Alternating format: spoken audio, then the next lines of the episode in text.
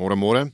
Jy het seker gehoor dat William Nicol Rylaan nou herdoop is na Winnie Mandela Rylaan. Daar was nou gister 'n groot geleentheid gehou en daar's nou die nuwe straatnaam borde is onthul tydens hierdie geleentheid gister en die ANC ehm um, sê dit is 'n geleentheid vir Suid-Afrikaners om die land se pynlike verlede te onthou.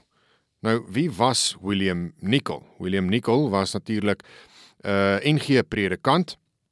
Hy was ook die administrateur van die Transvaal provinsie in in Suid-Afrika.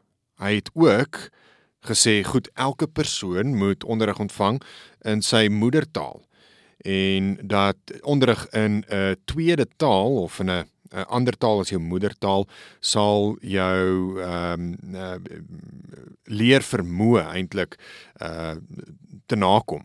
So hy het die die Bybel in in Zulu vertaal. Hy het gehelp met die vertaling van Bybel na van die Bybel na na Zulu. So dis nou blykbaar een van die onderdrukkers wat die ANC van ontslaaw wil raak. Ehm um, is deel van hulle breër poging om maatskaplike samehorigheid in die samelewing te bevorder. Hoeveel het hierdie naamsverandering die stad gekos? Volgens die stadsbestuurder Floyd Brink net 250 000 rand. Ek glo dit nie vir 'n oomblik nie dink dit uh, kos baie meer as 250 000 rand om al daardie straatnaamborde te vervang om die advertensies te plaas ehm um, wat die straatnaamverandering aandui asook om 'n openbare deelname proses te hou. As ons net kyk hoeveel kos ander openbare deelname prosesse, dink ek nie dit is net 250 000 rand wat die stad hiervoor betaal het nie. Selfs al was dit 250 000 rand, is dit natuurlik heeltemal te veel. Dis nie nodig om straatname te verander nie. Uh, en dit is nie die enigste manier waarop jy maatskaplike samehorigheid uh, kan bevorder nie. Daar's baie ander maniere en ek dink een manier wat hulle wel uh, moet oorweeg um, is om dienslewering in die stad te verbeter, om daardie geld wat spandeer is om hierdie straatnaam te verander, eerder eerder te spandeer aan slaggate regmaak, elektrisiteitsnetwerke herstel, uh geboue opknap en in stand hou, um en seker te maak dat daar water is aan al die inwoners van Johannesburg. Maar nee, ons is goed daarmee om straatname te verander. Dit lyk asof ons uh, besig is om 'n probleem op te los wat nooit 'n probleem is nie. So ja, William Nicol van nou af Winnie Mandela Rylaan. Dan gister in die parlement ook die ehm um, Bella wetgewing die wysigingswetsontwerp op basiese onderwyswette wat uh goedgekeur is en dit word nou na die nasionale vergadering gestuur waar hulle daaroor sal moet stem. Daar is nou al van verskeie oorde af gesê dat um, dit nou 'n aanslag is op Afrikaans en die bestaansreg van Afrikaanse skole. Die groot probleem met hierdie wetsontwerp is skoolbeheerliggame word van hulle magte gestroop en dit word in die departementshoof gesetel. Uh en die departementshoof kan ook onder meer die skole se taal en toelatingsbeleid bepaal.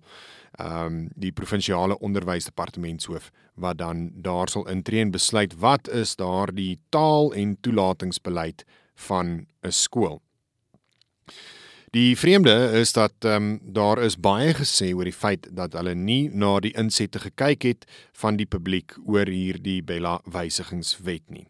En toe staan uh, twee weke spandeer en en, en toe het hulle vinnig deur ehm um, so wat 8000 van hierdie insette gewerk. Ek glo nie daar is deur al 8000 van hulle gewerk en gekyk nie. Ek weet nie eers of dit ehm um, enigsins uh hulle oorweging verander het nie en uh klomp partye wat nou sê VF+ die DA ek sien solidariteit en Afriforum het ook 'n 'n eiertjie hieroor te lê maar wat sê dat hulle hierdie in die howe gaan beveg. En met reg ek dink dit moet in die howe beveg word. Dit is natuurlik ook 'n goedkoop uh verkiesingsfoefie hierdie. Volgende jaar het ons 'n verkiesing en die ANC regering moet natuurlik aan hulle kiesers wys en uh wat hulle bereik het in die afgelope 4 jaar En omdat daar nie veel is wat hulle bereik het nie, beerdkrag is steeds met ons armoede en werkloosheid is besig om toe te neem, misdaad is besig om toe te neem, is hierdie maar 'n goedkoop foefie om aan kiesers te wys dat hulle iets doen. En gaan dit werklik enigsins uh iets vir die kiezer beteken die feit dat 'n departementshoof nou kan besluit oor 'n skool se taal en toelatingsbeleid? Nee, Dit gaan nie.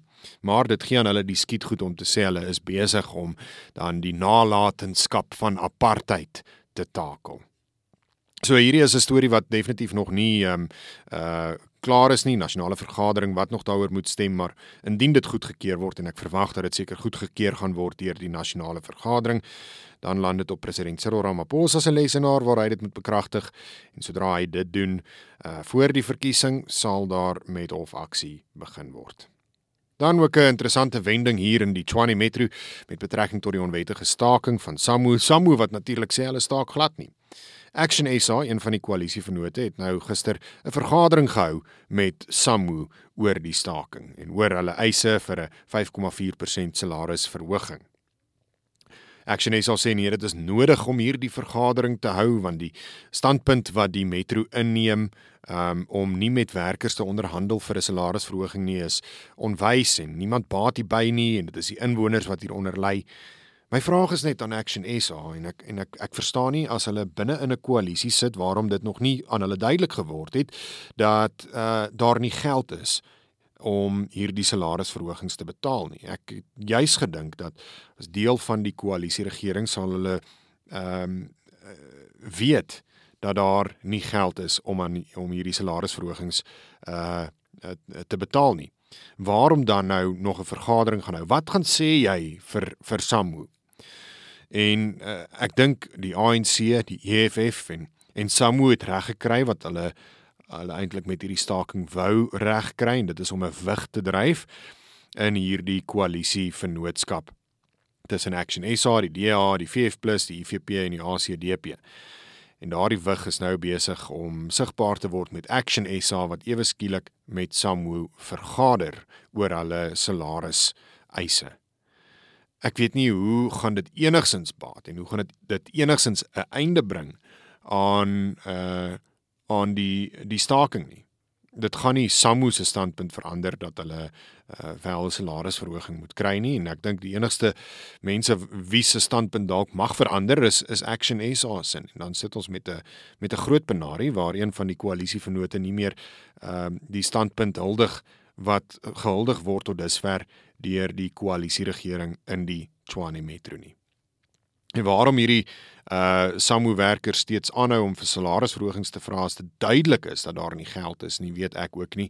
Dit is nie net op munisipale vlak waar daar nie geld is nie. Ons hoor nou al meer gereeld van die nasionale tesourie wat ook waarsku oor ehm um, uh besnoeiingsmaatreëls dat daar gekyk moet word na die staat se salarisrekening dat hulle ook nie salarisverhogings kan bekostig nie dat hulle selfs nie daardie R350 maatskaplike toelaag aan uh werklooses kan bekostig nie. So dit is nie net 'n munisipale probleem nie. Hierdie is 'n nasionale probleem. Daar is nie geld om vir hierdie goed te betaal nie en hoe vinniger die mense dit agterkom, hoe beter.